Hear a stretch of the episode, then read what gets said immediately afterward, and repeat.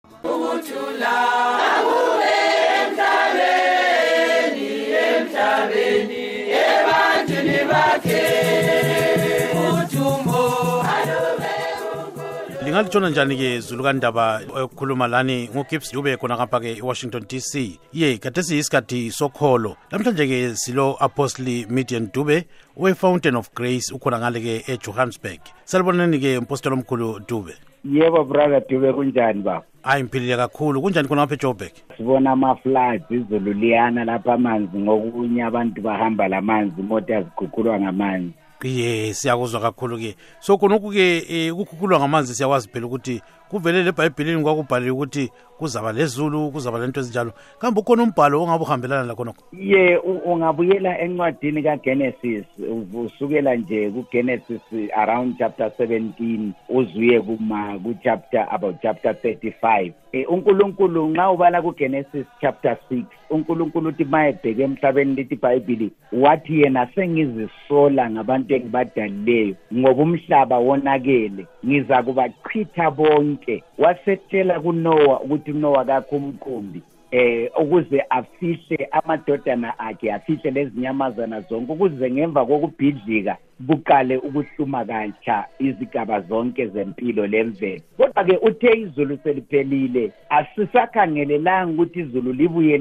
libulala abantu unkulunkulu wabulala abantu ngamanzi ngoba wafunga wathi nxa libona le-rainbow libe kwazi ukuthi ngenzile isivumelwano sokuthi angiyi kuphinda ngibhubhise isizwe ngamanzi kodwa okusalayo ngemva kwe-judgment isizwe siyakubhujiswa ngomlilo mhm. esikukholwayo yilokho kukhulunywa ngama-atmosphere managers okwe-climate change kuthi ukuthi thina kumele sithandazele ukuthi umlimi izulu alilethe kodwa alilethe ngokuthula ngoba uthi nxa licela izulu ngiza kulinika izulu ngokuthula ngesikhathi elaneleyo uthi lakujoel 223 jabulani lithokoze ngoba izulu lakuqala kalilitholanga kodwa namuhla ngiyalinika izulu lezolo lezulu lakusasa ndawonye liliningi awuboni-ke edube baba so nxa sesikhuluma-ke ngezulu siyabona ukuthi ezimbabwe kazange line kakhulu pho abantu kumele bebambe kanganani umbhalo lapha ukwenza ukuthi izulu line kakhulu usidingele lo mbhalo siluphosele khonapho mphostolo omkhulu bekuvele kuthandaza sengitsho khona esintwini dube wena ukhulele esigodini uyazi besibona abantu bedlula bethwela izinto kuthiwa kuyacelwa izulu kodwa kibandla lalo belithi ma kungalazulu kunje kuhlalwe phansi kuhlangana amabandla wonke ngiyakhumbula sisegwanda sometime bekuhlangana phose amabandla wonke ephelandaba stadium kukhulekwe kucelwe kunkulunkulu umthandazo unamandla okwenza izinto ezingenzakaliyo zenzakala so unkulunkulu uthe aluba licela izulu njengoba ngijilo kujoweli licela izulu ngiza kunika izulu ngesikhathi salo esaneleyo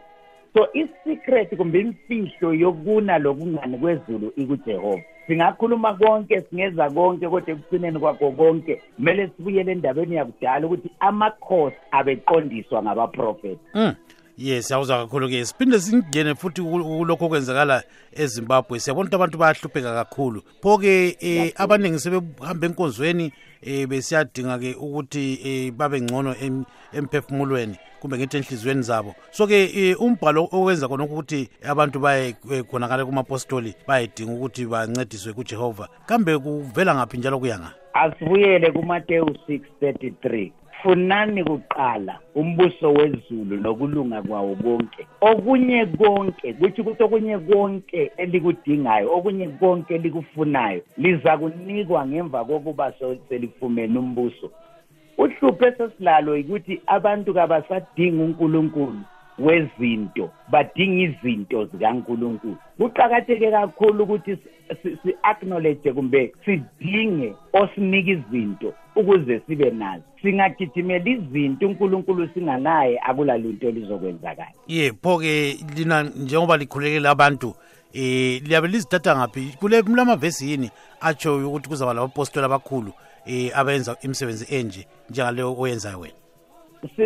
ya ibhayibhili likhulume kahle ungabala encwadini yabasekorinte liyehlukanisa ababizwe ngujehova abapostoli ababhishophu eh, ama-teachers abavangeli um labo bonke nje e, esithi thina ngesikhiwa yi-five fold ministry but uhlupho esesilalo dube ngike ngakhuluma lawe la kuqala ngiyakhumbula isenke ekuqaleni komnyaka ukuthi uhlupho esesilalo kulezi nsuku sokulabafundisi abaningi sokulamabandla amaningi abantu kumele babe nenhlakanipho yokwazi ngoba kulezinye izinto ezibonakala njengamatshetshi mhm. kodwa zisebenzela umbuso kasathane um ngaze ngathi kuwe nxa usiya emprofithini ibhayibhili lithi encwadini kahezekiya six khangelani lokhu ukuthi umuntu obizwe ngumlimi aza kukhuluma konke kumele kwenzakale ngesikhathi athe kuzakwenzakala ngaso ma kungasenzakalanga kumele sizibuze ukuthi ngumprofethi kamlimo yini and okwesibili isolution kajehova ayipele ungabala